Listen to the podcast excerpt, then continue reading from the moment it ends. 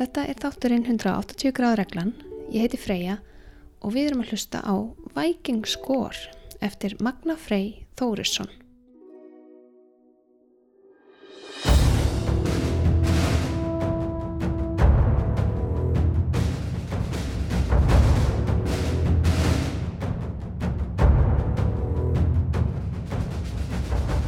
Árið 2015 var ég 36 ára og vissi ekkert um kveikmyndagerð. Eiginlega fyrir tilveljun endaði ég í námi í heimildamyndagerð og lærði meðal annars að klippa.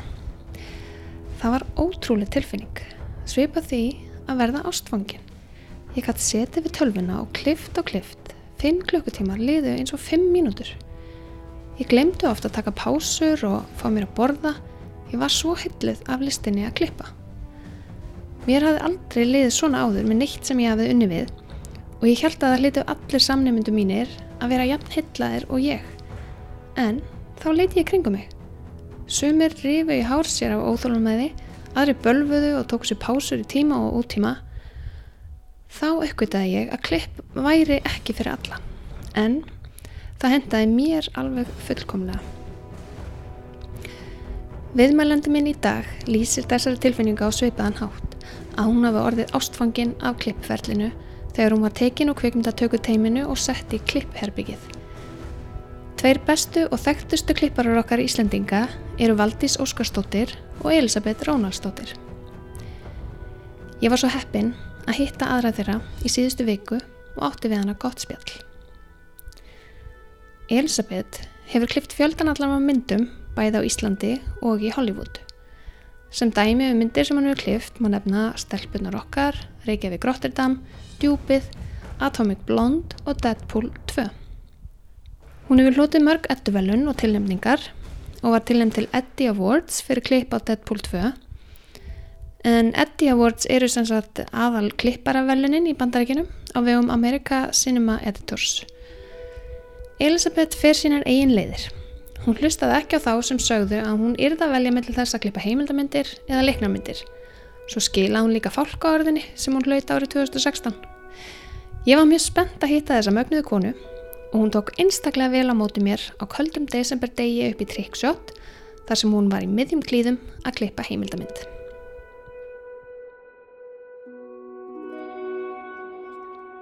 Og ég segi bara... já, já, takk fyrir að taka á móti mér. Mín er ánægjan. Um, þú ert hérna upp í Trickshot Já. og búin að vera hérna síðan í Síðan er miðjan oktober. Já. Að uh, klippa heimildamind. Já. Hvaða heimildamind? Þetta er heimildamönd um Solveig Ansbach, kvikmyndalegstjóra, sem dó langt fyrir aldur fram. En er mjög merkileg, merkilegur íslenskur kvikmyndalegstjóri. Já, Og Án Eva sá afkastamesti. Hún náttúrulega gerði einhverjar, ég man nú ekki hvað þetta er í heldina marga myndir, en hún gerði allavega á 14 árum á 18 árum hún 14 myndir, ég veit ekki, ég Já. man ekki alveg tölunar en Já. hún er rosalega afkastamikil ok. og hérna flottur flottur kveikmyndalegstjóri Já. Og hérna, ert, hver er þessari mynd? Eh, það er dóttir hennar, Klara Ansbach Skúli Malmqvist er að framleiða og fekk klöru til að leikstýra þessari heimildamöndu móðu sína og svo fenguðu Körnu Sigurðardóttir til að koma og leikstýra með klöru Já, ok. Og hvað reiknar með að þetta taki langa tíma? Þetta tekur miklu lengri tíma heldur en ég hef en ég er Já. að vona að geta skilað henn af mér núna í lók janúar í svona í eitthvað skonar formi Einhverju þannig að það sé hægt að klára hana Ok, þannig að þá tekur einhver við og svona Já. fínpúsar eitthvað. já, Ok. Þú, hérna, já, þannig að núna ert á Íslandi, en býrðu þig út í Los Angeles eða hvernig? Nei, þetta er rosa, þetta er flókið. Hérna ég sem sagt vinn mest úti en hef alltaf reikið heimili hérna á Íslandi og hef ekki einhvern veginn flutt. Kannski vegna þess að ég var aldrei alveg viss hvernig ég vildi hafa þetta. En núna sérstaklega því að ég lendi í því að verða veik úti þannig að ég festist í Los Angeles alveg í tvö heil ár Já, í með, læknismeðferð og það náttúrulega breytir heil miklu en ég hef samt ennþá ekki flutt út ég er Já. ennþá hérna heima Þú ert með lögheimili hér. er með lögheimli hér og, og börn í skóla og svona þóttu Já. þessu flest komin á okkar aldur en hérna en núna ætla ég að reyna að gera eitthvað í þessu Á hvaða litu? að, að flytja Að út flytja ég er út. orðin alltaf þreytt á þessu náttúrulega þetta er komin átta ár sem ég er búin að vera að vinna að núti Já. og að klippa kvikmynd náttúrulega tekur svo langa tíma Mhm. það er alveg ár og rúmlega það sem oft fer í ferlið Já. sem ferlið tekur og bara orð, ég er orðin þreytt á því að búa hverki Já, einmitt. Ert, en að þú ert ekki með einhverja ákveðna íbúðan úti sem þú Nei. gengur að. Og það er náttúrulega kostir og gallast að fylgja því Já. að ég hef alltaf fengið mig bara Airbnb. Og yfirleitt eitthvað nálagt það sem ég er að klippa, klippa Já, og það er náttúrulega vist luxus að hafa stutt að fara í vinnu, sérstaklega í Los Angeles. Einmitt.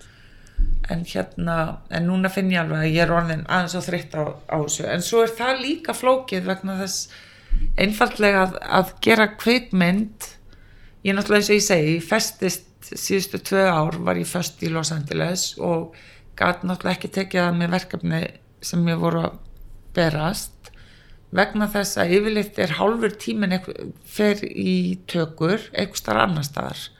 Þú veist, hvort það er í New York eða New Orleans eða eitthvað staðar í Evrópu eða eins og næst er ég að fara til Sydney í fjóra mánuði. Já, ok. Þa, þannig að þú veist, það er ekki einu sinni þannig að já, það flækir aldrei máluna því að þá er maður ofta að hugsa á ég að festa mér íbúð? Já. svo er ég kannski þar bara fimm á ári. En já, þess þannig að þegar, uh, þegar þú ert að klippa leikna mynd þá ferði á tökustað. Þú ert Já. alveg með allt tökuferlið. algjörlega, en það er það bara hlut af klippingum. Já, þú veist að vera til staðar og taka þátt.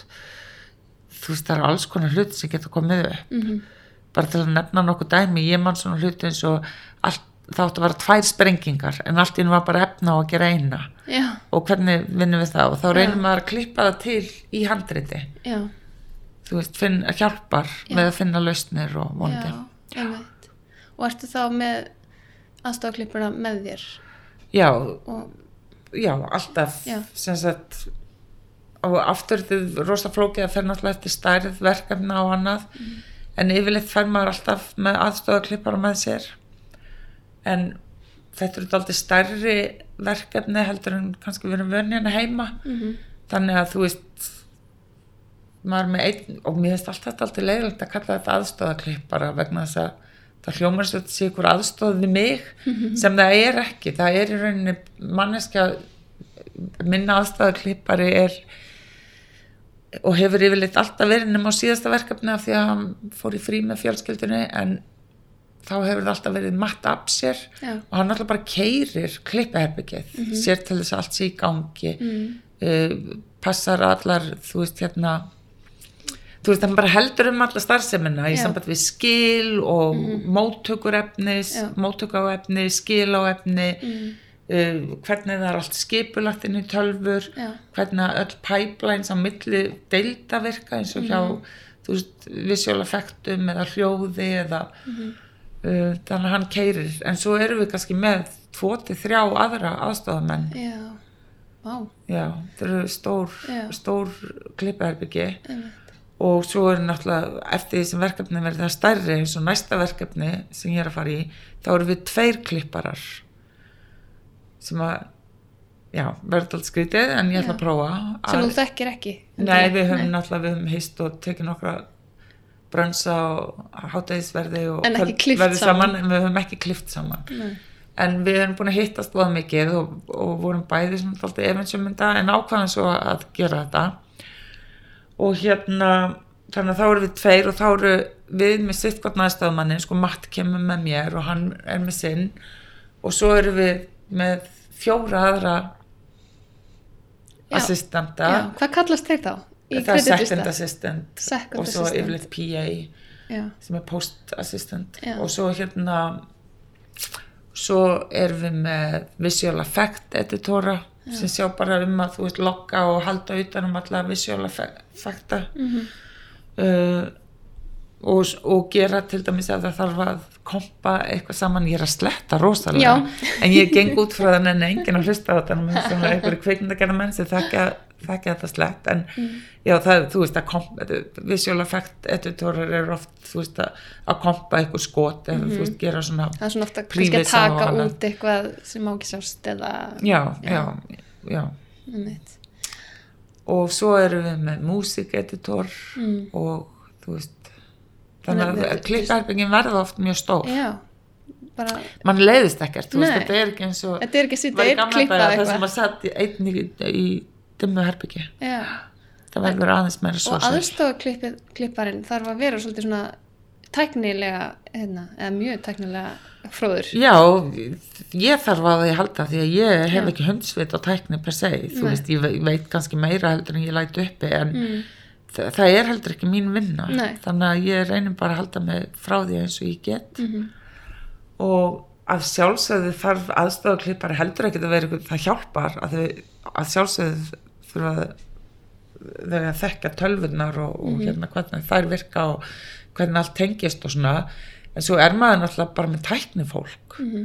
þú veist ef að það bara, ef að allar tölfur allt einu krassa þá eru við ekkert að svitna nei. því. Það bara að kalla á lið sem að Mhm. sérhæfi sig í því að halda þessu gangandi eru, eru hérna aðstofa klipparar allavega þannig úti veist, eru þeir bara, þeir eru ákveðnir í því jobbi og vilja bara halda sig þar, Það- eða er þetta stepping stone fyrir suma, eða hvernig Suma er það steppingstón fyrir og það, bara aftur, fólk er jafn mismunandi og það margt Mhm.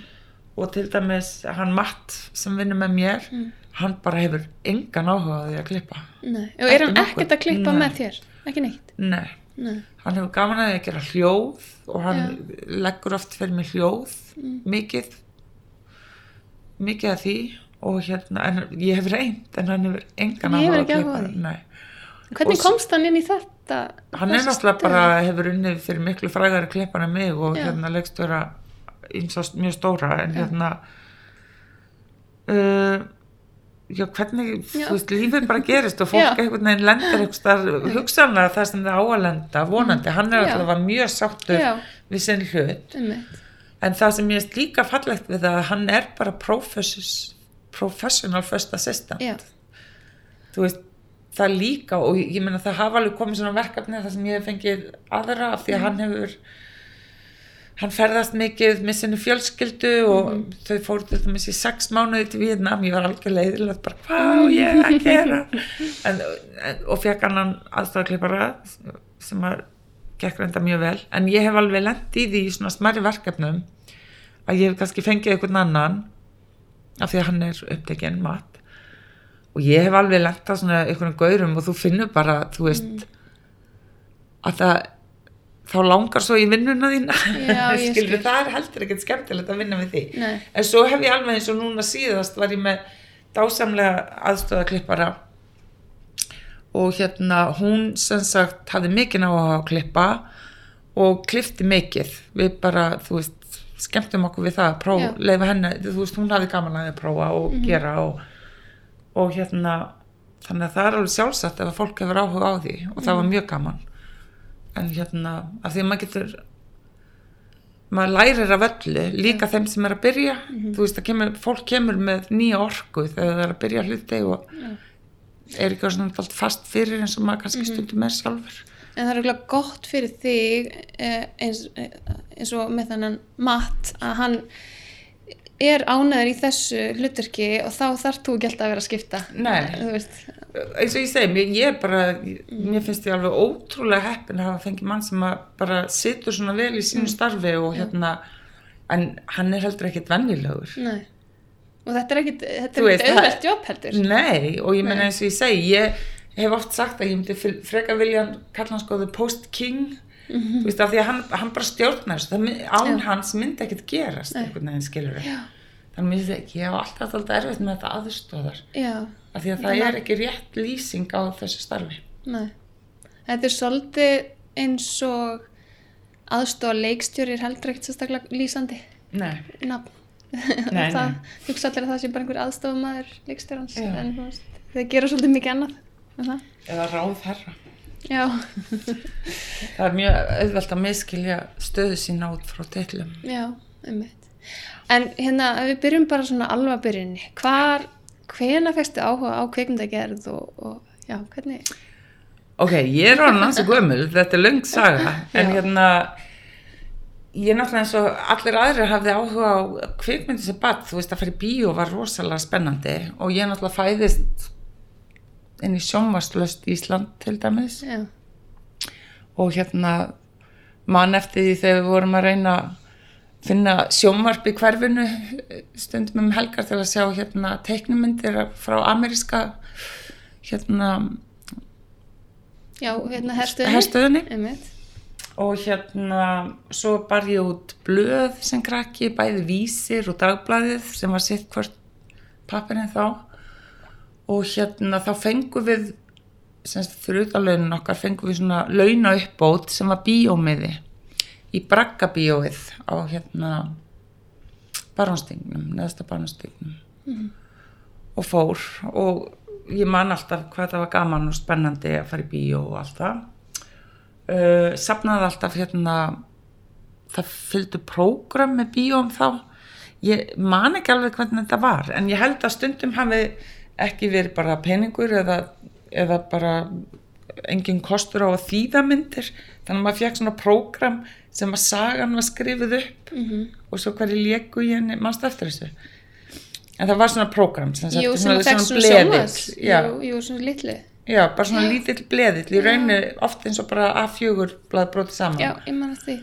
og það var skrifað upp sko um hvað myndin var hvað gerðist í henni og svo hverju lék í henni og svona og ég sapnaði þessu, ég átti sko tvo eða þrjá fulla kassa af svona prógramum og þá hafði ég skrifað sko hérna ríðdóma oft Já, á sem mér fyndið að lesa setna Já. uh, en svo fór ég sem sem fullorðin mannskja þá af því að þú spurði hvernig lent hann þarna Já. margt, sko. ég veit heldur ekkert hvernig ég lent í mínu ég bara af einhverjum ástæðum og það hlýtur einhver að hafa verið í skólanum sem sagði mig frá því eða hvað en allavega ákvað ég að fara í London Film School.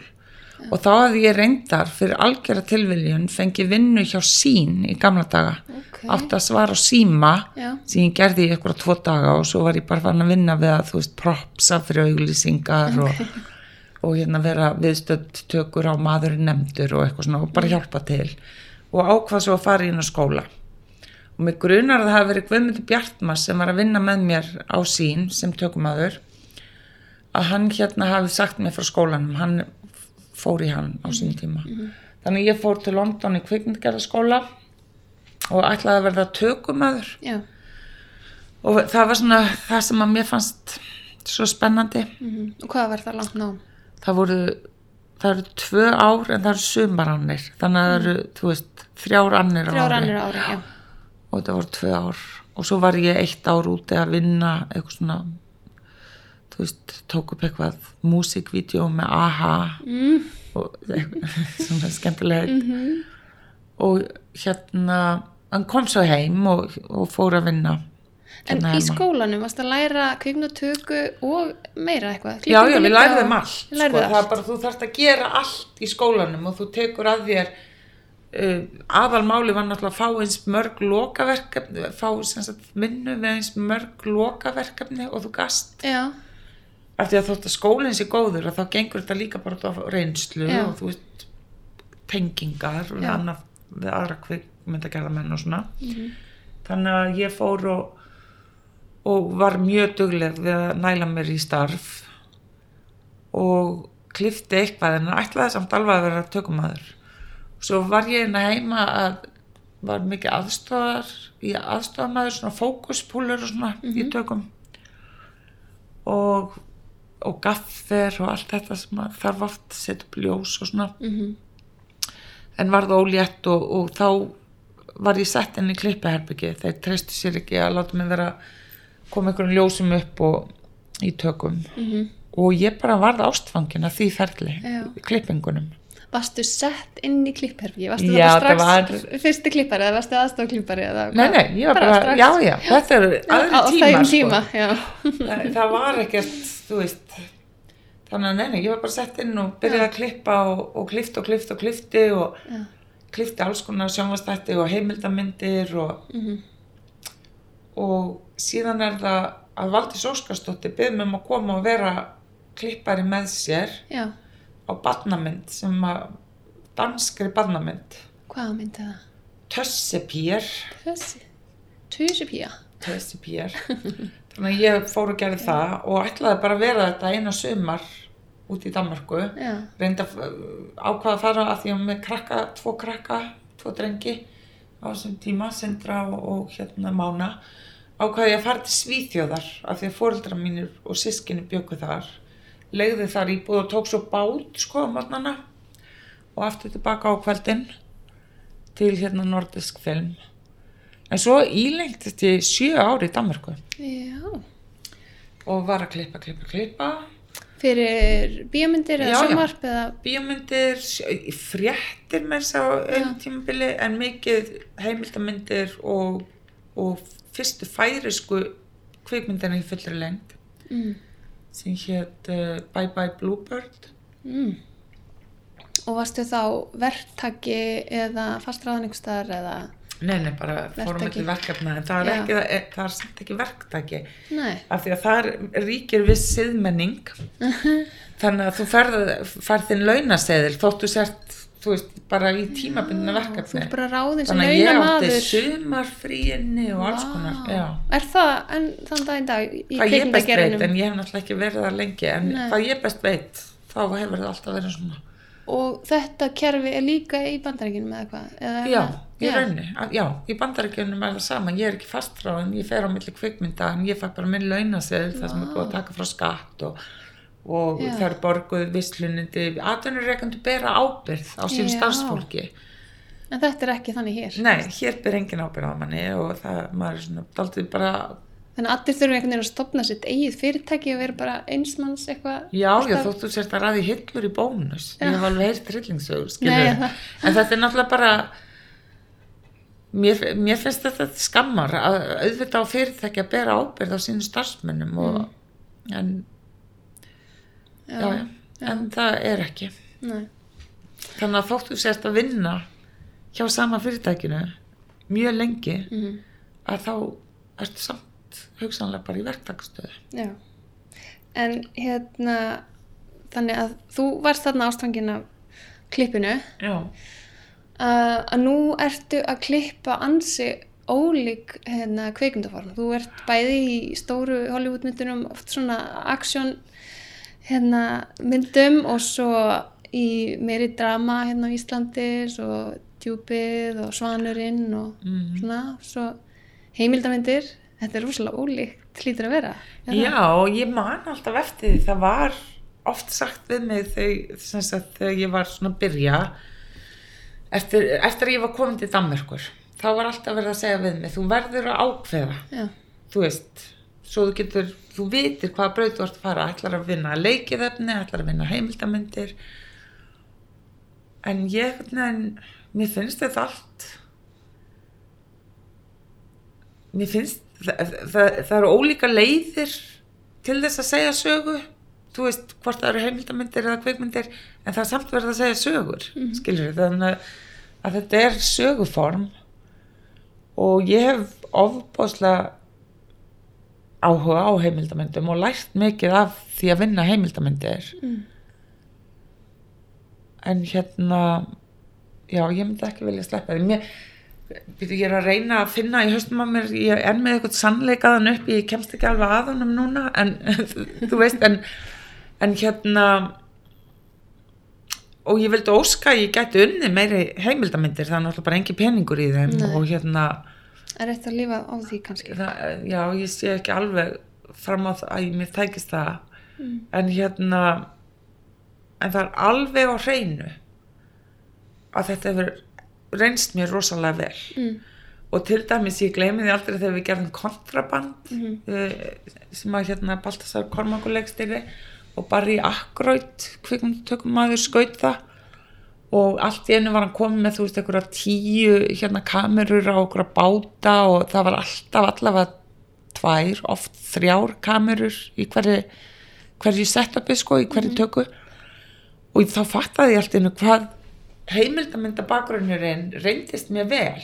Mm, að ég varð aldrei ég bugaðist aldrei undan öllu þessu efni af því að í gegnum heimildamyndi Já, verður maður svo vanur að taka mjög miklu efni sem maður þarf að vinna sig í gegnum Mhm. þannig að ég fann bara hvað það hjálpaði mér þar að að missa ekki kjark Já. og, hérna, og, og kunna að vinna mig í gegnum efni mhm. Mér fannst einmitt að því nú hef ég hérna fyrst byrjað að- klippa heimildamynd og svo hef ég svona aðeins prófað að klippa bara stutt myndir sem eru leiknar og, og svona já það er bara mjög ólíkt og það er svona ég veit ekki kannski ekki endilega auðveldara en það er svona að maður hefur meira svona maður er með handrit og senur og þú veist, þú veist meira hvað þú ert að fara að reyna að gera. Já, en í rauninu maður bara líta á að leikna kvikmyndir eru þannig sem bara lengra komnar í ferlinu af því að Já. eins og þú veist vinnandi heimildamindir á einhverjum tímabúlti ertu komin með innan gæst alveg handri algjörlega, en það er einhvern veginn ekki skrifað fyrirfram. Nei, þú verður að skrifa þetta handri já, en svo höfum við öll líka tekið þátt í að vinna við kvikmyndir á leiknu efni sem að bara pínliti glemtist að þróa handritið. Já, já, þannig að það er í endarleistri þróun Já. í gegnum tökur og, og klippingu. Já. og hérna eins og ég segi þetta bara Líka, líka, mér finnst það styðja við hvort annað sem klippari. Þá Já. finnst mér það styðja við mitt starf að gera bæði. Já, og bara líka mjög gott að fara út fyrir heimildum eh, heimildum, fara út fyrir þægindaramman en líka annað þeirna, þú veist, alla tökur eru mertar, skilur það, klappspjald sem er búið að merka hvað, þetta er þessi sena þetta er þetta, veist, með heimildamindina þá ertu bara með fullt af efni og þú þarft eiginlega bara að horfa á það vita hvað þetta er. Akkurát. Og þú veist, þannig einhvern veginn sikta út og oft miklu lengri tökur og, algjörlega og minni fókus og svona. Mm, og aftur, það getur nú aldrei líka gæst í leiknu efni en já, já, að sjálfsögðu er þessi munur á en það þýðir ekki að vinnan er samt í grunninn svo sama. Mhm. þú þarf bara að forvinna meira fyrir heimildamindirnar en svo annað líka, þú situr hérna núna ein og ert að klippa heimildamind versus úti í Los Angeles þá varst að segja lýsa því að þetta er bara heilt hérna, heil heimur af fólki sem er að vinna með þér. Já, fyrst er, er það ekki innmannalegt að sitja hérna núna Nei, nei, maður bara gleymi sér í efninu og svona, Já. en auðvitað langar mér stundum bara, þú veist, hver er eitthvað að fara að stækja kaffi fyrir mig Hérna, þú veist, hvað er ég hátegismat Mhm. eða hérna, er eitthvað til ég að koma og kíkja á þetta Já. þetta er, jú, að sjálfsögðu, þú veist en ég meina, ég get ekki sagt að mér leiðist. Nei, nei, Já. nei, ég veit að það er en alltaf gaman að getur ímyndað klippa þér mikið af efni sem þarf að fara í gegnum Já. og hérna, en, en eins og með svona, þú veist, hversu oft ert að hitta leikstjóran og, eða einhver framleganda til þess að skoða það sem er komið það er og- bara mjög gott að fá fólk inn reglulega. Já, bara sérstaklega því að maður líka að reyna að fikra sig í einhverjum stíl og stílbröðum mm, og þá er mikilvægt að allir séu með. Mm því að, og það er eitt sem ég hef lært. Ég meina, ég man bara eftir sem yngri manneska að klippa hvað ég átti rosalega erfitt með að fólk kæmi að skoða eitthvað sem ég var ekki búin með. Já, og ég bara, ég gætt kastað upp að stressi bara því að ég vissi hvað þú veist hvert ég ætlaði með mm Mhm. og það var ekki komið þangað. En það sem að ég hef lært í gegnum tíðina er að það er engin ein manneska sem gerir hvorki heimildamind eða eða hérna kvik, leikna kvikmyndi eða sjónvastætti eða hvað það er. Mhm. þetta er samstarfsverkefni. Og það er svo rosalega mikilvægt að hópurinn sé samferða. Þú veist, ef þú ætla bara eitthvað að taka þú hópnum og fara að gera ykkur hlut og enginn má sjá og bara halda áfram og eitthvað að þá ertu í rauninni ekki að sinna kvikmyndagerð. Nei, af því að kvikmyndagerð er samstarfsverkefni og allir verða þú mátt ekki fara fram úr samstarfsfélugum þínum heldur. Nei, þú verður að taka alla með. Já, þannig að það skipta alltaf miklu máli. Og í dag er alveg bara, þú veist, að, þú veist, bara búin að rissa ykkur upp mm, það finnst mér rosa gott að fá fólk þú veist, ef þú ímyndað er þetta og þetta, þetta heldur að þetta geti gengið. Þú veist, bara aftur bara ná í eins mikið input og getur skiptir einhver máli hvaðan góð hugmynd kemur. Einmitt hvernig vinnur með uh, leikstjóra uh, úti? Þannig, uh, og er það mísamt í þessum leiknum myndum? það er bara jafn misjátt og þeir eru margir. Já, þau bara eftir leikstjóranum. Það er bara eftir leikstjóra. En ég meina að- og það er bara ég, sko, ég get ekki haft eitthvað yfir mér, sko, ég get það ekki. Nei. Þannig að þeir sitja ekki með þeir en koma. Nei, en þú- svo komum við kannski og horfum á eitthvað og tölum, sko, klippingar eru ofbóðslega mikið samræður. Já. bara tala saman, tala um karaktera tala um, þú veist, hvað er leikstur að leita eftir í þessari senu? Þú veist, eða bara í myndinni, þú Mhm. veist, hvert erum við að fara hvað viljum við lenda? Og eilifa samræður rosalega mikið. Já, um Og er einhver leikstjóri sem að þú hefur ekki haft ánægju af að vinna með? Nei, Nei. það, ég hef haft mikla ánægja að vinna með þeim öllum og aftur, þú veist og það þýður ekkert endilega verkið hafi endilega verið besta verkið. Nei, mér finnst alltaf bara ferðalagið skipta mestu máli. Um þú veist við, ég þannig að bara horfast í augu við það að það skiptir engum máli hvað myndir að koma út fyrir, með mig sem klippara. Þetta er ekki mynd eftir mig Nei. fattar við og hérna þannig ég reyni bara að hafa ferðalagið þú veist, ferlið sem skemmtilegast og ríkast fyrir bæði mig og mitt samstagsfólk að njóta og læra og taka frá og Já, um fyrir utan að ég trúi því að þannig gerir maður líka góð, betur heldur en ef maður verður ekki að því algjörlega. Ertu þá, þannig að þegar þú ert beðin um að klippa mynd, þekkir þá alltaf leikstjórana fyrirfram Nei. eða hvernig, Nei. En samt einhvern veginn hefur það alltaf hefnast, þú er aldrei fengið leikstjóra sem að því finnst óþólandi eða kemur. jú, jú, ert að djóka ég, náttúrulega eins og ég segi ég festist þannig í tvö ári í, í hérna LA og gati ekki tekið verkefni sem fóru úr borginni, ég varð að vera í LA, skilur, þannig ég gati ekki farið fjóra mánuði til Nei. Ástralíu eða New York ég bara þurfti að vera í LA Mhm. og afsakið, og hérna þá til dæmis ég hugsa að sé allt í lagi að neymdroppa því. Það er heit, og framlegand sem heitir Pete Berg og er rosalegu karakter. Og Jesus hvað hann er hræðilegur. Mér líkar samt rosa vel við hann. Og við erum bara alveg málkunnu í dag og hérna held að þú veist að því að stundum er líka skrýna fólki skemmtilegt Já. fattarðu? Ok, en og hann sem betur var aldrei leiðilegu við mig í gegnum þetta og bara fýt sko en hann er ég meina á hverjum degi þá sá maður skilti í ruslatönnu út á gangi það var búið að reka eitthvað það var alltaf skilti tekið og hendi rusli hann bara rak fólk hægri vinstri og, og hérna öskraði á eftir og eins og ég segi sem betur fyrir slapp ég við það. Ég held bara líka bara því ég hafi verið elst þarna það var mikið yngra fólki. Og svo kom hann oft inn í herbyggist til mín sko lagðist í sófan og tuðaði í klukktíma, fór svo út og raka eitthvað. Og ég fylgdist með þessu en það sem hann er að gera og það er algjörlega hans að mega gera það þú veist, hann á hennan pening og ef hann, eða aflar þessa penings og ef hann hérna vill leiða honum svona, fæn en þetta er ekki kvikmyndagerð nei, Nei, fattar þau, þetta er ekki kvikmyndagerð Nei. þetta er ekki partur af kvikmyndagerð nei.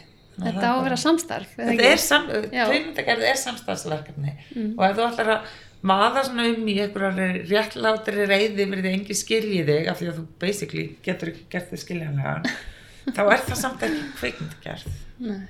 þú veist en ég menna eins og ég segi fólk vinnum alls konar og hann vinnum við þetta og bara Hvernig, hvað, séru, hvað, hvað tekur langan tíma klippiferlið við svona leikna bíómynd í fullri? Yfirleitt?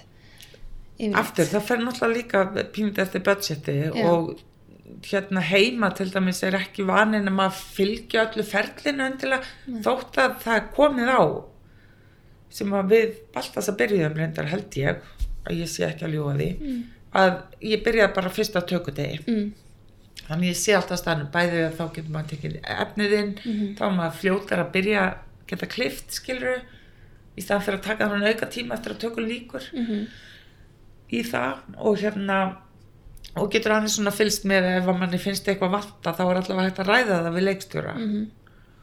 og hérna en svo úti fylgir maður í gegnum allt ferli, maður fer bara heim með partírútunni skilur eftir mm -hmm.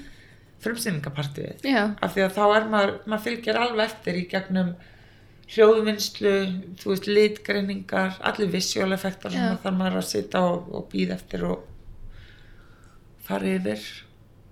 Þannig að það get, það, og aftur, það fyrir rosalega mikið bara eftir því, eftir svo mörgu. Já, Ég meina, en myndir sem ég hef unni við hafa yfirleitt hangið í svona ári. ár, já. Og þegar þú ert á tökustað, þá er þetta dailies og svona, er það ekki? jú. Þá ertu að fara í gegnum það.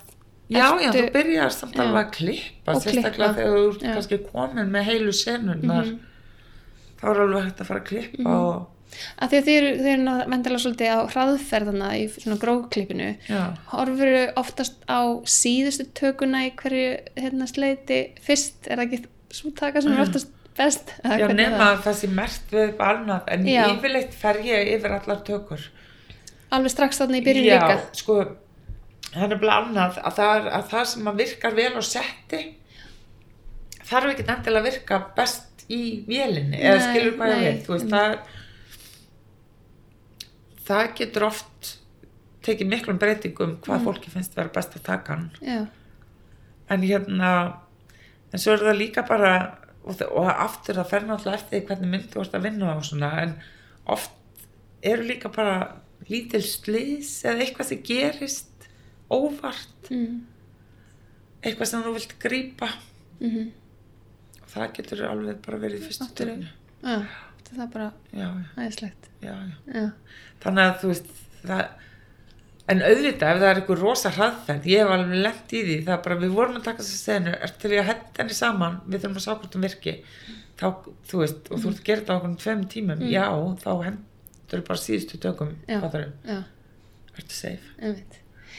Eh, við komum aðeins aftur af aðstofaklippara, eh, hefur þú orðið eitthvað að vera við það að það sé eitthvað minna um það nú orðið á Íslandi?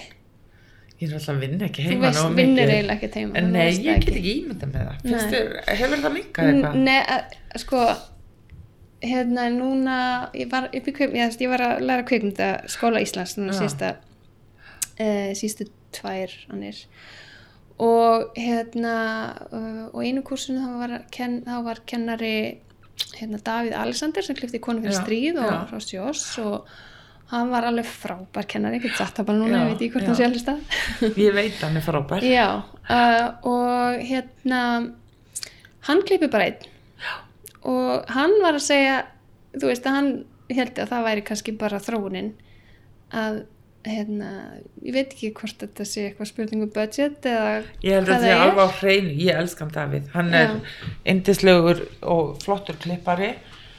Og hérna, og ég veit alveg hvernig hann vinnur og það er, verður alltaf, það verður alltaf fólk sem tekur að sér svona hluti og vill hafa total control og svona, en ef þú ert að gera, ef þú ætlar að vinna, klippa eina mynd eftir annari, þá getur þú heldur ekki bara orkunar vegna. Nei, setið í því að hann er af alla þessi vinnu.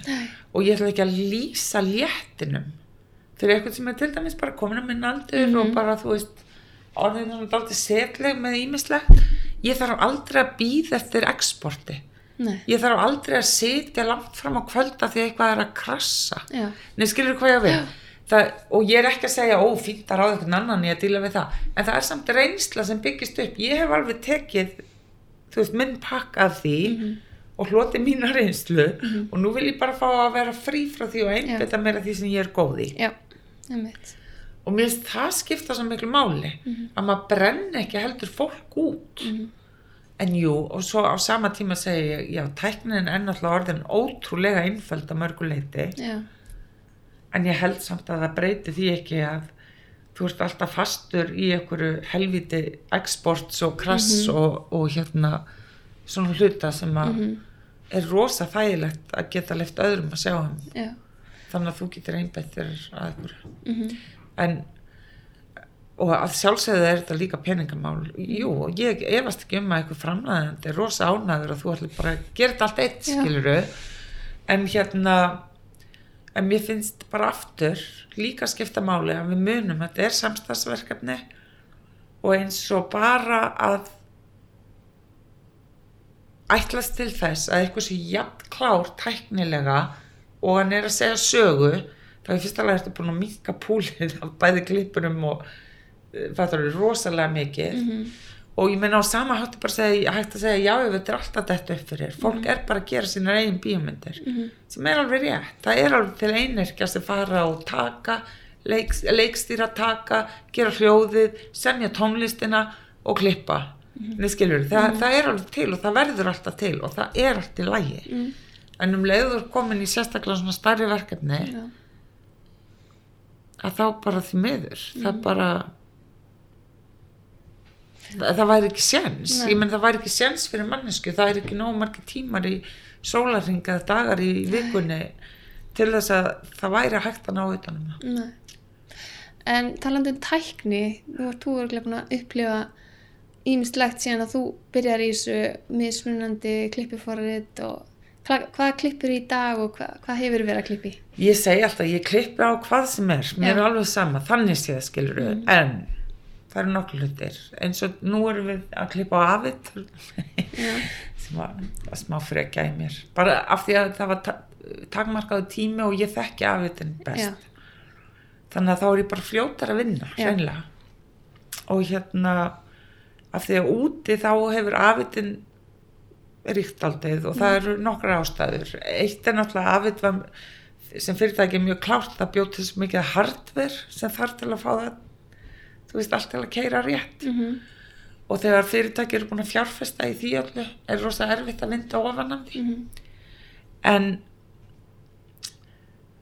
hafið þið líka stendur aldrei upp úr hefur, það er reyndar að breytast líka en hefur hingað til staðið upp úr vegna þess að þeir eru með stöðugasta tímakótan á myndefni? Þannig að þú getur alltaf þú þarft ekki að yfirfæra í raunni þótt að ég sé með fólk sem gerir það yfirfæra tímakót og passar allt sér rétt þá í rauninni þarft þess ekki. Þú getur alveg treyst afitnum sem gerir alla pipelines verða rosa auðveldar og það eru líka til staðar Mm. sem er rosa gott. Eins og úti þá bara eru yfir pipeline, það, það er bara þekkt staðrind og allir vita hvernig það virkar og hvernig best er að haga því og þannig að það gengur hratt fyrir sig. Mhm. en ég til að klippa hvað sem er svo lendi ég í því núna fyrir vetur. Ég var út í LA og það er hérna palestínsk bíómynd Between Heaven and Earth sem er framleitt hér á Íslandi eða sem er framleitt af Íslanding hann Fahad Jabili hann sem sagt var einn af framleiðendum og þau voru í einhvern smá vandræðum þannig að þau ákvaða að senda mig myndin og ég klifti hana bara á eldursporinu heima.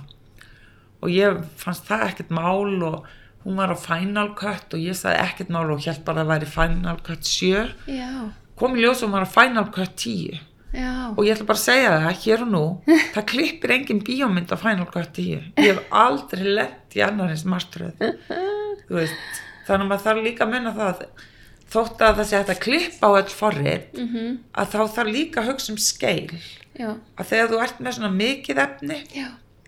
að þá er til dæmis Final Cut 10 ekki málið Við, hvað er eftir Músíkvídeó? nýjasta? Final Cut. það er, Er það tíu? Já. Er það ekki það sem Davíð Alexander er að klippa á?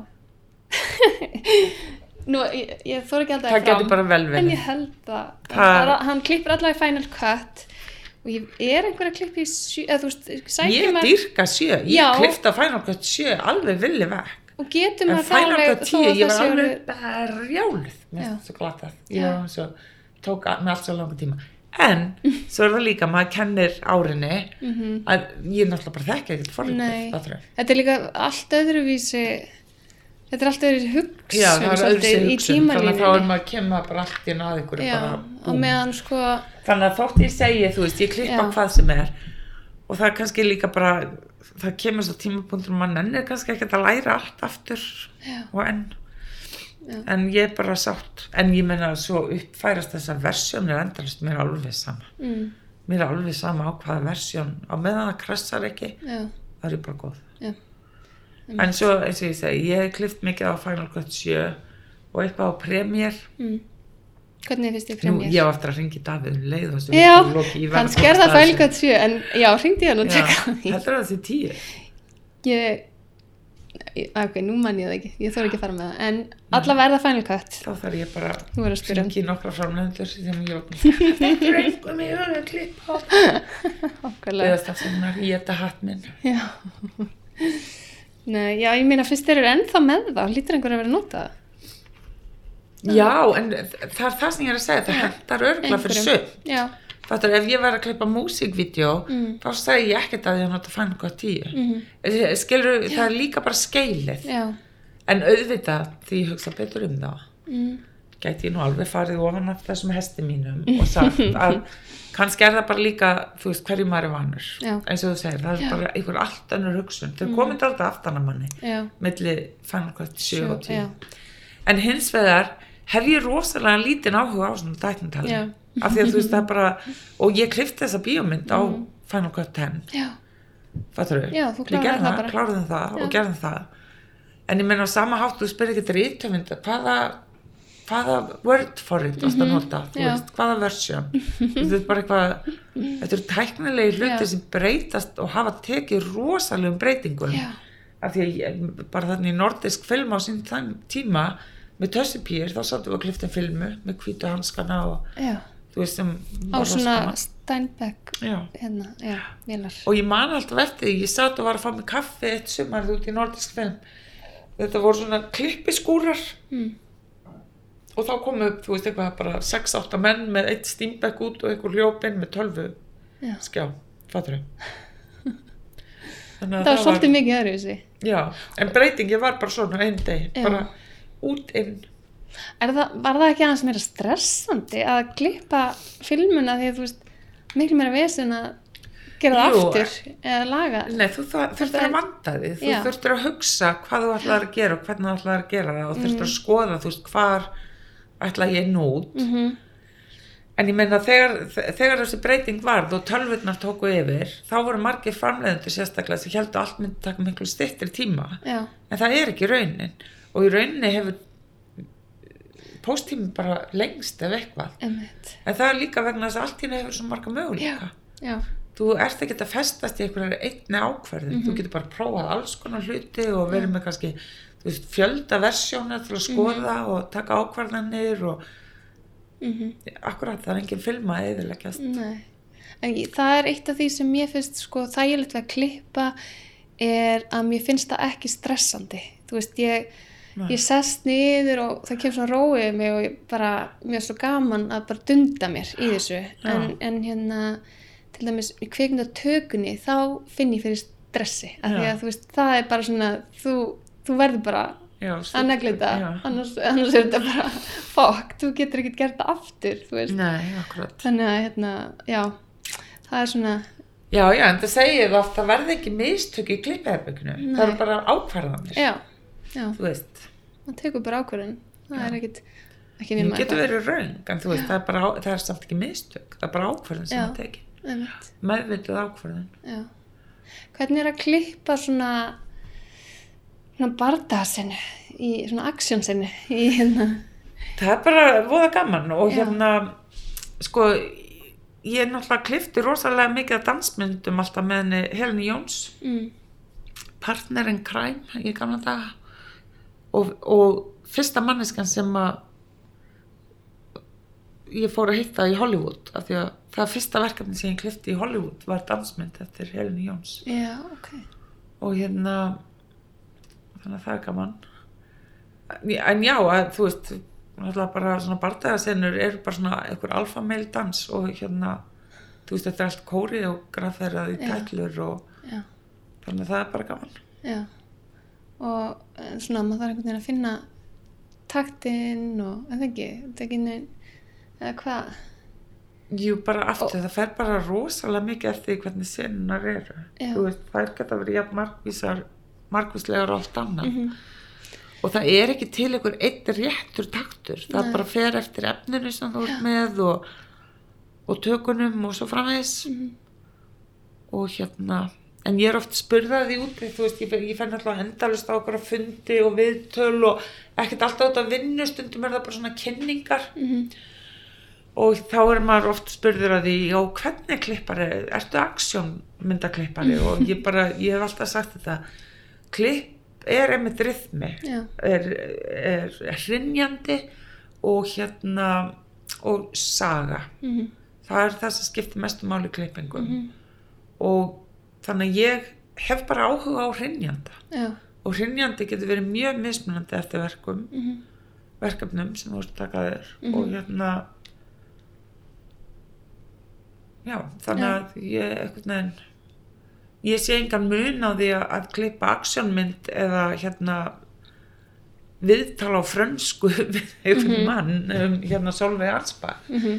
skilur í rauninni þegar þú ert bara í sömu vinninu að reyna að finna út úr vissu hlutum sem er kannski stundum ekki efst í þínu þekkinga píramíta, þú veist eins og franskan eða þú veist kung fu sem ég veit voða lítið um og þú ert bara að reyna að læra í gegnum þetta og finna út úr hvernig hlutinni passa og hvar ferð inn og hvar ferð út. Er hann að segja já eða er hann að segja gengum, Fata, mm. skilur þau, er það þessi hreyfing, án að vera, án að vera beinni?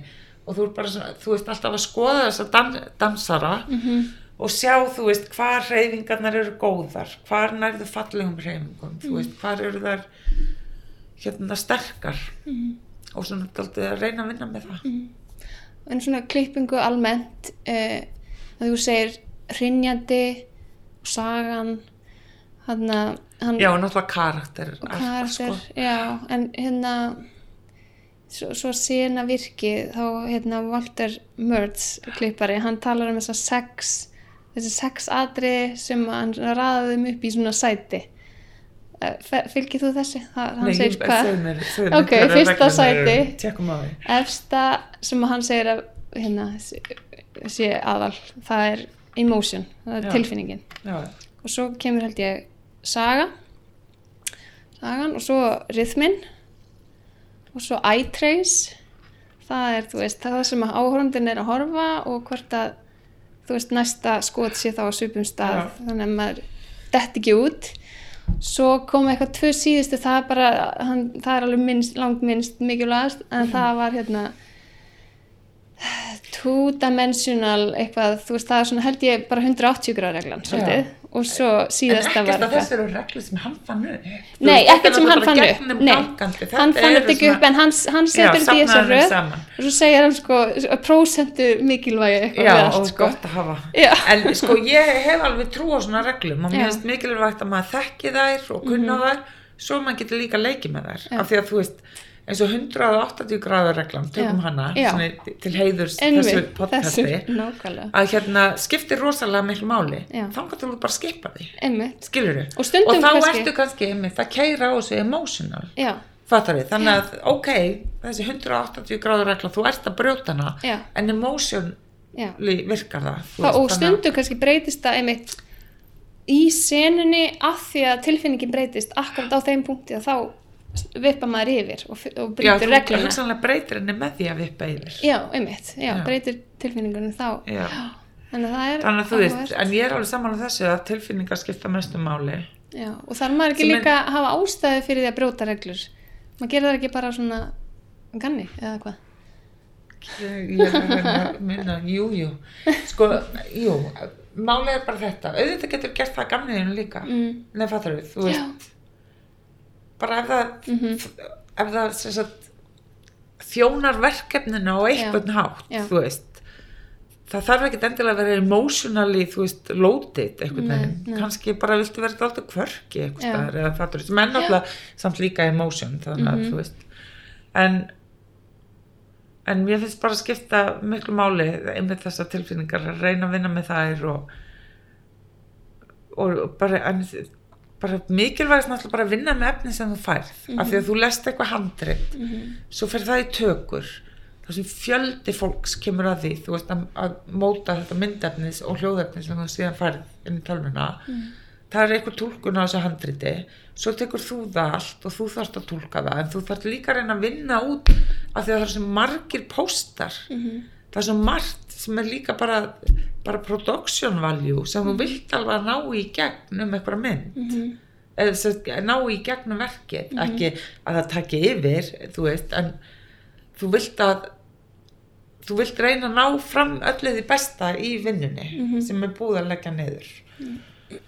En ein ein ástæðan fyrir því að dæmis ég vinn rosalega mikið með non-linear storytelling það er mitt forte byrlið finnst mér. Já, og mér finnst ofbúslega gaman að vinna með að hoppa var, fram og tilbaka hvort sem það var skriftið eða skrifa þannig eða ekki. Já, og hérna og af því að bara mér finnst alltaf gefa meiri tilfinningu og vera oft cinematískara já, og til dæmis man, það var Inhale sem var mynd sem Baltasar leikstýri líka. Já, og ég man bara, þú veist, fyrsta klippið það var bara svo bugandi, þetta var eins og sjómasmynd mm, en um leið og ég tók se- fór og flippaði því sagt, mm, fór non-linear já, þá fekk það þessa cinematísku tilfinningu. Já, og það er líka oft hægt að nota þetta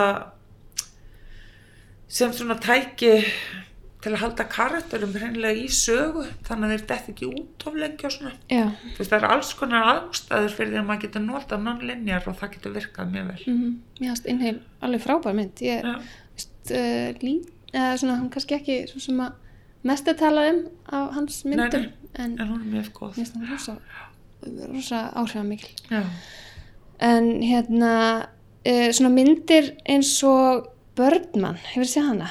Já, sem er bara eins og maður horfir á hana og mann finnst eins og það sé aldrei klift. Já. En það er náttúrulega- en það er náttúrulega klippt, sko. Þeir þeir Þú veist, Þurfum við að ræða það er einhvern veginn? Klift þannig að enginn taki eftir þessi Nei. klift það er, það er ultimate seamless klipping Já, og hérna var ekki allavega, ég nú ég ekki séð Atomic Blonde sem þú kliftir Já. en ég sá eitt atriði úr henni þar sem að Charlize Theron situr hann í bíl með blóðslettir Já. framan í sér og svo einhver maður hann að döðsætti við hliðin á henni og þar er einhvern veginn bæði kveikmyndatakan og svo klippingin, þú veist það virkar eins og þetta sé ekkert klift já En, ég En- menna að það voru í allir senunni sem er reyndar í nokkra Já. ég man þess að tölur ekki lengur en það er hátt í 40 klipp í, í, þessu í senu sem að fá, frá því að hún gengur inn sko Já. í húsið þar sem Já. hún á í þessu stigabardaga. Þau fara út og keira og lendi sjónum. Ok og, það, og öll svo sena er bara eins og hún sé ekki já, Klippt. hún er sem sagt tekin eins og hún sé, en ég tótt mig það var rosaleg vinna. Já, sko inni það var náttúrulega mikið af visual effektum já, en það er líka bara mikið af svona svona plain klippum eins og væpum og annað. Já. Og hérna, en svo er líka bara alls konar tímaklipp sko. Er mikið klift á hreyfingu þú veist. mikið kliftarhefingu og svo stundum ekki veist, það, það þurfti bara að taka hvert klipp fyrir sigurönnu en ég var á setti þegar við gerðum þessa senu. Já. vegna þess að þá bara prófiði við sko á setti erum við að fara ná, ok og svo var hérna visual effect producer með veist, hvað getum við gert til að bæta þetta? En líka vegna þess að tökurna voru mjög langar að þá var líka rosa gott, ég satt bara þannig og svo kannski fór ég og talaði við við hann hérna leikstórun og segi bara, þú veist, við erum alveg að missa hann, getum við panað yfir á hann, hvað hann er að gera og meðan hún er að reyna að ná, þú veist, og það bara, já, ok, þannig bara klift í mynda, eða skilur Já. í myndavelar hreyfingu, já, það voru svona hlutir sem var mjög gaman og gefandi að vinna og náttúrulega David og ég vinnum rosa vel saman og hefum unnið svo mikið saman að það er bara yndislegt og hérna og svo hérna ég er að meina hvað var meira í þessu? Já og svo, en, eins og bara málið er að til dæmis þótt að Charlize Theron hafi verið mjög vel þjálfuð fyrir þessa mynd og algjör nagli og dugleg í sínum alfadansi já, að þá er þetta líka bara tryggingamál. Já, tryggingafélög er ekki að fara að tryggja myndina ef að hún er að fara að láta henda sér niður stiga. Nei, þú veist ef hún verður bláu Nei. marinn framann þá eru bara hvað tökur í mánu hvað maður lengi að losna við svona randlitinu þannig að það bara í hvert sinn sem henni hendi eitthvað það bara, það, þetta er ekki alltaf sama Það einhver sko. það er bara stönd kona. Mm. Þannig að- þetta er, þetta er ógeðslega, þetta lúkar rosalega flott Já, og þetta er það greinilega mjög sama með flókið. Birdman að þú getur ímyndað að þetta eru ofbásla mörg klip en bara vel falin. Já, en ég menna visual effektar eru náttúrulega bara komnir til að vera. Já, og hérna, það er alveg sama þótt þú gerir barnamynd, það eru visual effektar skilur, það er bara heimildamynd. Ég veit við verðum allavega með einn visual effekt já, sem er náttúrulega líka sem er náttúrulega líka vist degur þegar maður er búin að átta sig á því af því að þú varst að segja, ég verð að gera það núna í tökum, við getum ekki gert það setna Mhm. núna erum við bara, að þetta er ekki að virka. Þetta er ræðilegu bakgrunnir getum við skipt hann út? Já, Nei, þannig að það er alveg mm, að meiri segja að það sem þú tekur er ekki grafið í stein lengur. Nei, einmitt. Ef það er budget fyrir því. Eða, ja, it's all en hérna e, við komum kannski aðeins inn á áðan varðandi þú e, með að vera launamaður og verktaki og svona. Hvernig laun klippara e, það talaði um hérna, allavega í bandarækinum í að vera below the line að klippara sé below the line. Getur útskipt það hugtaka hans Já, þetta er náttúrulega hugtak sem hefur í rauninni enga merkingu en below the line eru þeir sem, sem sagt, bel- above the line eru pródusentar og handriðsöfundar og kvikmyndaleikstjórar. Og ég held ég man ekki hvort tökumenn eru það eða ekki. Ég held það. Já, ég held það. En það sem gerist er, þetta er sambandi við union. Já, að klipparar fara í union með öllum öðrum. Þú veist hljóðmunum uh, hinnum og þessu og þessu og þetta er eitthvað svona eitthvað steipa í sambandi við að það sé ekki hægt að breyta því út af því. Mm, en ég menna það vit allir að, að sjálfsögðu það, að, hver sem er sem heldur að segja þér eitthvað annað er að bara að bylla mm, að klipparar hafa alveg rosalega áhrif á loka verk og handrit tekur oft miklum breytingum í klippi. Mhm, og hérna og svo framvegis. Mhm, en fyrir mér er þetta samt líka svona eitthvað bara tillingaskýts æfattaru, þá gæti hann alltaf kemur á launum þínum en mér finnst bara ég hef oft hugsað um þetta í sambandi við þú veist í sambandi við jafnrétti. Af því að nú eru konur helst klipparar. Það er eitthvað 21% klipparar eru konur sem er bara mjög há pró- prósenta sko. Og mér hefur oft grunað að sé bara því að það komast ekki í direktorinn þú veist. Já að þær fara frekar þá í klippi mhm, eins og okkur ætti Sel- Selma Súmakar af hverju er hún ekki að leikstýra skilur þú veist, hún er alltaf bara að klippa myndirnar hans. Mm, já. En uh, skilur en þetta belóði skiptir ekki máli. En það sem mig langar svo í sambandi við þessa jafnréttisbartu er líka bara við skoðum hvaða hlutverk viljum við hefja á loft. Mm, og þá til dæmis að köllum ólöstuðum að þá þetta hlutverk freka þú veist hérna valdamannsins er hlutverk sem ættum við reyna að hafna mm. og mér finnst bara við þurfum að fara meir og meir í þegar átta okkur á því að þetta er allt samvinna. Þótt, að, þótt að ábyrðin getur verið mismunandi að þá er ein manneski endilega ekkert þú veist miklu miklu mikilvægara heldur en einhver annur mhm, þú veist, manneska sem er að færa þig kaffe á setti getur breytt öllu. Það- skilur þú veist, það bara getur breytt öllu. Já. Og hérna þú veist, allt skila sér á filmu. Já, en sko, mér finnst þess að ég hafi ski, eða einhvern veginn- einhver hafa útskipt fyrir mér þetta below, below the line, above the line væri upphalega sett sem eitthvað svona já, mitt, þú veist, þeir sem voru above the line væri fengið meira kredit Já. fyrir myndina og svo below the line væri þeir sem fengið ekki eins mikið kredit en fengið þá í staðinn aðeins meira borgað. En það er, kannski er ekkert til í því dag. Nei, ég held ekki. Og kannski er það orðið þannig að, að þeir sem eru the line fá hvorki kredit nýja fá eins mikið borgað, ég veit ekki. En eins og til dæmis sjáum bara edduvelunin það er ferið að klippa út allt, allar þakkaræður Já, hjá já. öllum sem eru þá below the line Já, en það er líka bara af því að það er fólk sem áttar sig ekki á því hvað kvikmyndagerð gengur út Já. skilur það er þannig í mínum ögum bara algjörlega hreina línu en mér finnst það óþólandi að því dæmis ég hef áhuga á þessum parti, klippurum og öllum þeir sem er að vinna þessa eftirvinnslu og svona og ég sitt heima í stofu að horfa á edduvelunin mm. og ég fæ ekki sjá manneskuna sem að fekk velunin, fæ ekki sjá hvað hún hefur að segja nei, nei. og mér það alveg glata, mér finnst það óvirðing og líka bara óvirðing við þá sem er að horfa.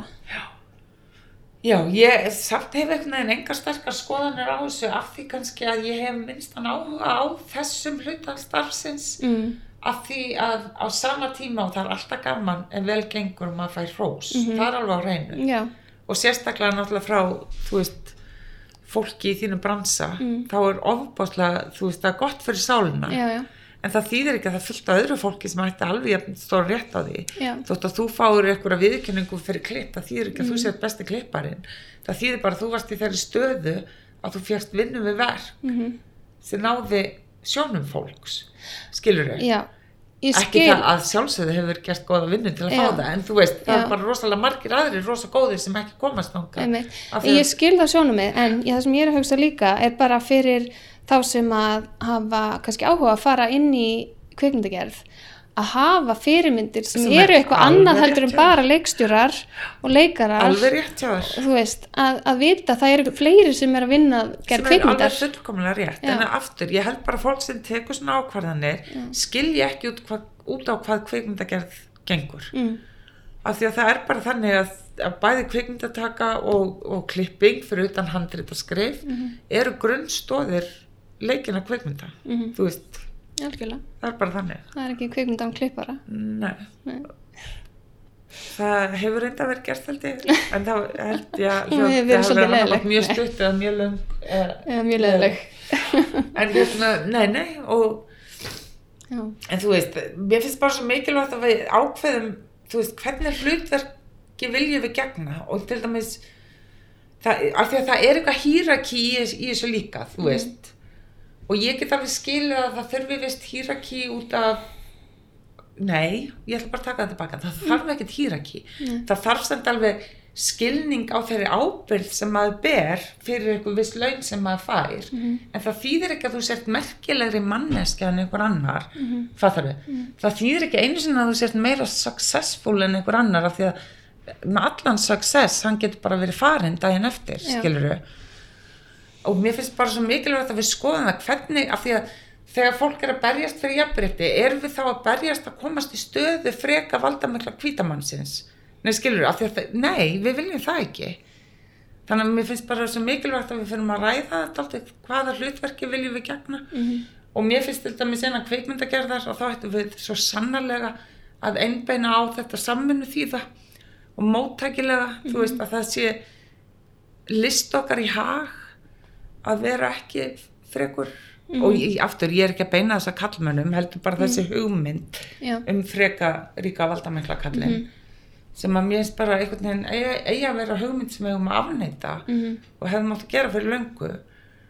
Og ekki eitthvað sem við höfum að stræfi sem sagt að hérna berjast eða vinna að mhm, heldur bara að finna, finna annars konar hlutverk sem hendar okkur. Og í mínu tilfelli þá er það meira þetta samvinni því að skilja við erum allir saman. Mhm, þú veist og við þurfum að vinna saman að því að koma þessu verki á stað. Já, en þetta below the line and above the line ég hef bara aldrei almennilega sett menni þetta. Ég man bara í spurði og ég veit að þetta, þetta tengist af hverju klipparar er ekki above the line tengist sem sagt unioninu. Mm, af því að það er ekki hægt að semja um það af því að unionið okkar er svo stórt og mikið af below the line fólki en við ákvaðum sem sagt að fara með þeim já, tæknimönnum í staðan fyrir tökumönnum af því að það stóð til.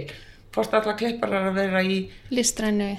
vera í sagt unionið með tökumönnum já, eða tæknimönnum. Já, en þú veist tæknimenn eru líka aðstæðamennir okkur og eitthvað svona en ég menna af einhverjum ástæðan þá sagt, var ákveðið að það er mm, og tæknimennir sem sagt inn að gæsa lappa aftur á því að auðvitað er það líka mjög fljótandi hugtak sko? Mhm, að til dæmis að verða klippari þá ferði oft í gegnum þess að tæknistöður til að komast í það að verða klippari. Já, á þess að klippið hafi neitt með tækni að gera sem er líka mjög ferðilegt sko. já, já, Það- nákvæmlega. þetta er merkilegt. En eins og svo mörg mannana verk ekki alltaf skilja sko, hvernig þetta er sett upp. En þú veist.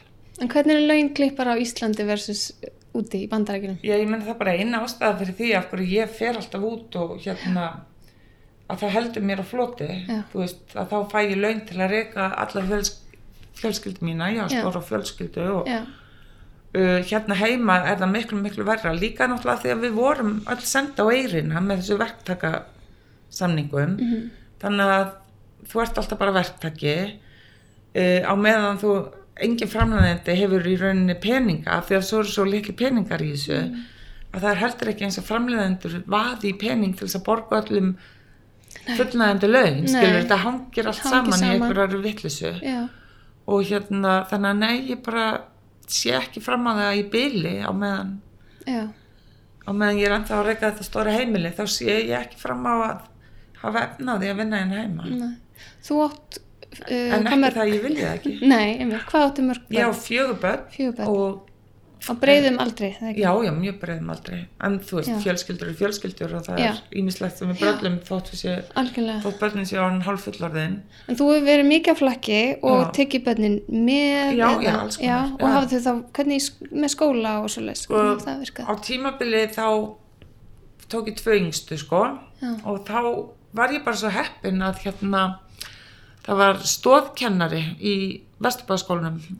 Guðrún Ólafsdóttir sem var hérna þegar ég tók loga á skólanum Já. og dóttir mína þá brák hann að koma með okkur.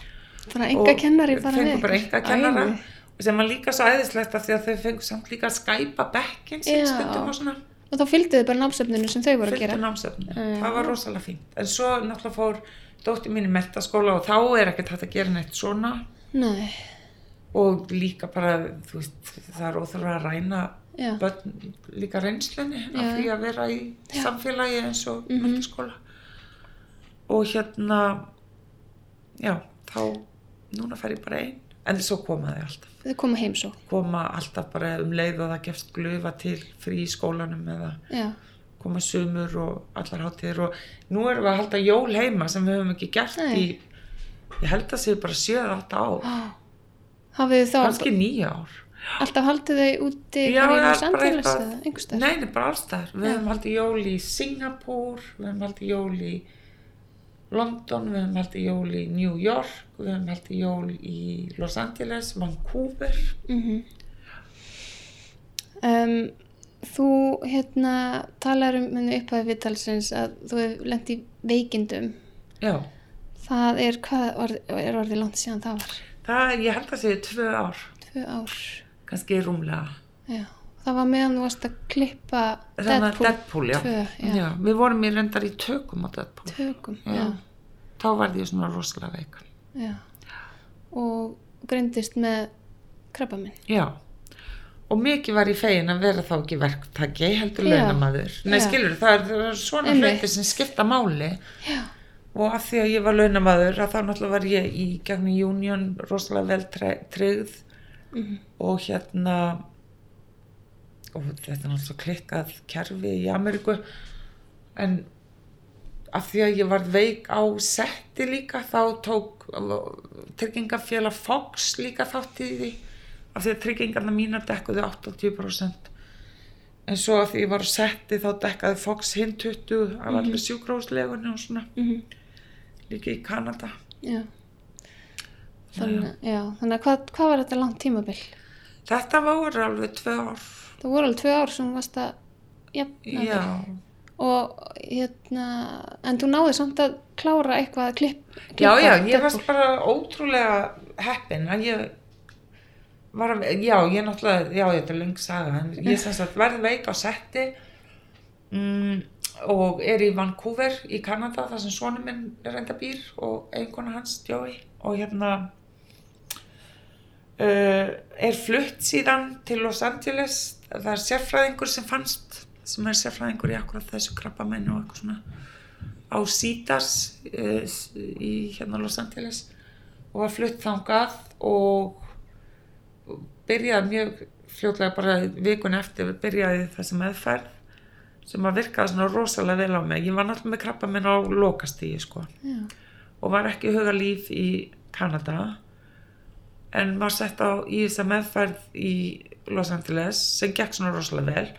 Og það tók ár fyrir mig að verða alveg krabbalaus. Já, en fljótlega eftir að ég var byrjuð meðferðina þá hérna hafði leikstjórn hann David Leach, hann hafði samband við mig hvort ég vildi ekki koma tilbaka að klippa og ég var alveg til í það en ég var ég hafði ekki droslega ork. Ég var náttúrulega búin að liggja í rúminu í fjóra mánuði sko. Og átti erfitt með gang og svona það var, þú veist, verið að reyna að æfa mig upp í það, þú veist, ná aftur bara styrk og orku. Þannig að þeir settu upp klippherbyggi fyrir mig í Já. fataskáp í, Þetta skáp. í Venice. Stór fattaskapur eða? já, ekkert rosalega. Og þannig að ég fekk að vinna þar eins og ég gat. Og svo það, sko, ég verði veik í ágúst held ég. Og þetta ágúst, september, já, þegar ég ekkert mann í oktober þá kem ég aftur sem sagt, í þessum skáp í Los Angeles. Eða byrja í november líklegast byrja í november og svo svona fljótlega í janúar þá var ég bara orðin æla hress og fór og kerði í vinnu Já. í Fox. Vá, hjólaði reyn þar já. bara mikið. Mhm.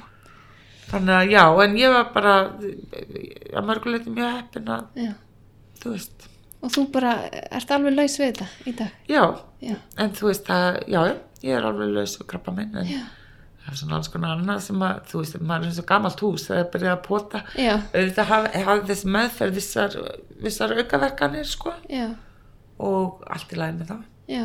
Ekkert sem að ég á eftir að drepa mig, ekki bráð þótt eitthvað dreipum mann að lókum þannig að ég er bara og er svona nálgast að ná fullur orku Já. Það er að er frábært. Ótrúlegt í rauninni. já, eh, bara ég get ekki listi Já. hvað ég er hamingisum með þetta en líka bara, maður fyllir svo miklu þakklæti líka bara hvað fólk er gott Já. maður á það til að vera allt kaltæðin með þetta, þú veist og hérna, eða ég og sérstaklega gott Hollywood og maður, við höfum öll heyrt þetta, þú veist, bara um leiðu þau hafa ekki þörfa þér, það snúðum við þið baki, darlega, og það er bara alls ekki mín. Nei. Ég fann fyrir rosalegum stuðning, bæði frá stúdíónu sem ég var að vinna fyrir, frá framleiðendum, uh, leikstjórar, leikara, samstarfsfólki mínu, rosalega mikill stuðningur og hérna, Já. Frábært.